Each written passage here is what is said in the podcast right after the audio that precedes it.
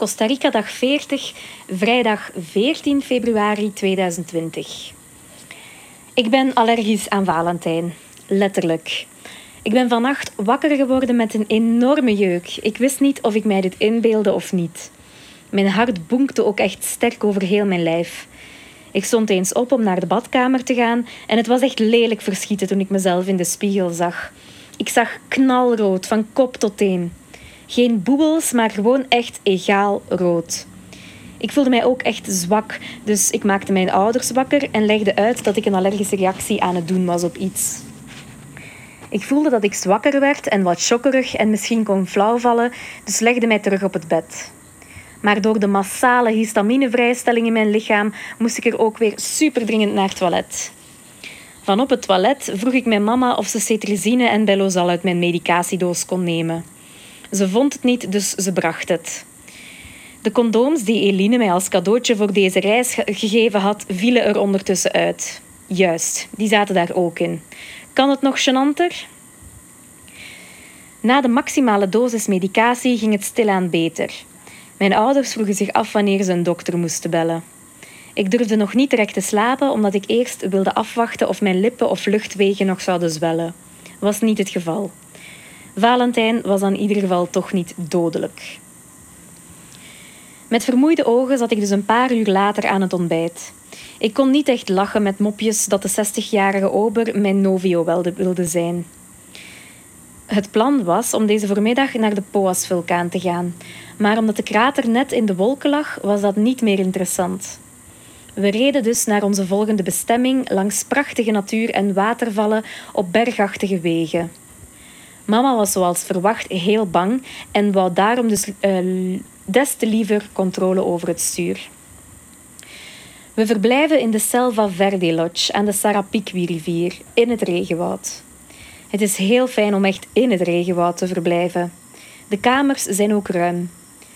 Voor mijn ouders is het de eerste keer dat ze in het regenwoud zijn. Ze zijn alle twee natuurliefhebbers, dus dat is des te speciaal voor hen. Voor de lunch deden we al een wandelingetje van een half uurtje op, het, op een aangeduide trail. Het is wel een lodge voor de derde leeftijd. Lunch was een buffet in een refter. Lekker, maar ik voelde mij echt niet thuis. We dronken koffie met zicht op mooie vogels die bananen komen eten op een voederplaats. Er passeerde ook een kolibrie. In de namiddag gingen we een chocoladetour doen, een kilometer verderop. Was echt top georganiseerd door een gids die ons bleef boeien. De geschiedenis van de eerste voorouders die toevallig ontdekten dat het, dat het niet giftig was, tot Maya's die het als drank van goden aanboden aan belangrijke mensen, tot de uitvinding van de chocoladereep in 1849 en de invloed van de industriële revolutie op de productie. Ook werd van begin tot einde uitgelegd van bloemetje tot rijpe vrucht, fermentatie met bacteriën in van zonlicht en lucht afgeschermde putten. Een langere fermentatie geeft een betere kwaliteit, maar is economisch gezien minder interessant voor grote bedrijven. Daarna worden cacaobonen gedroogd en geroosterd, gepeld en daarna gegrind tot een pasta. Elk stapje mochten we proeven. De gids sloot de tour af met een verhaaltje om ons bewust te maken van milieu en klimaat en dat educatie belangrijk is opdat we elk onze eigen bijdrage zouden leveren. Het verhaaltje ging als volgt. Once upon a time was het heel erg warm en stond het grote prachtige regenwoud in brand. Alle dieren vluchtten weg van de brand, behalve de kolibrie. Deze ging een druppeltje water halen in een bron dichtbij en vloog terug naar de brand met het druppeltje in zijn bek en liet het daar vallen. Dit bleef hij keer op keer herhalen. Een van de vluchtende dieren sprak hem aan. Maar kolibrie, waarom doe je dit?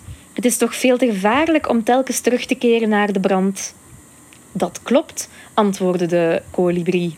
Maar ik wil graag mijn steentje bijdragen om dit prachtige regenwoud te redden.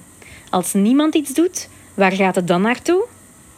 En dus nodigde de gids ons allen uit om te doen wat we kunnen in het behoud van klimaat en milieu. Een andere moraal van het verhaal zou kunnen zijn dat de kolibrie geen al te slimme vogel is, maar dat is voor interpretatie vatbaar. Want ook ik droom van een wereld waarin iedereen zich bewust is van zijn impact op het milieu en waar iedereen zijn bijdrage levert. Met een verhaal heb je als verteller de boodschap die je brengt natuurlijk volledig in de hand. En dus ook de moraal van het verhaal. Maar zo heb ik mijn voorval van vannacht ook enorm gedramatiseerd. Ik noem het allergisch aan Valentijn. Maar strikt genomen was het 23 uur 46 als ik opstond. En was het dus nog 13 februari. Ook heb ik gekozen voor de woorden schokkerig en bijna flauwvallen, terwijl ik ook had kunnen zeggen dat ik mij wat slapjes voelde. Ik gebruik de woorden knalrood en massale histaminevrijstelling, wat toch wel heel erg, heel erg lijkt. Hè? Soms ben ik dus een beetje een drama queen, maar dat blijft tussen ons.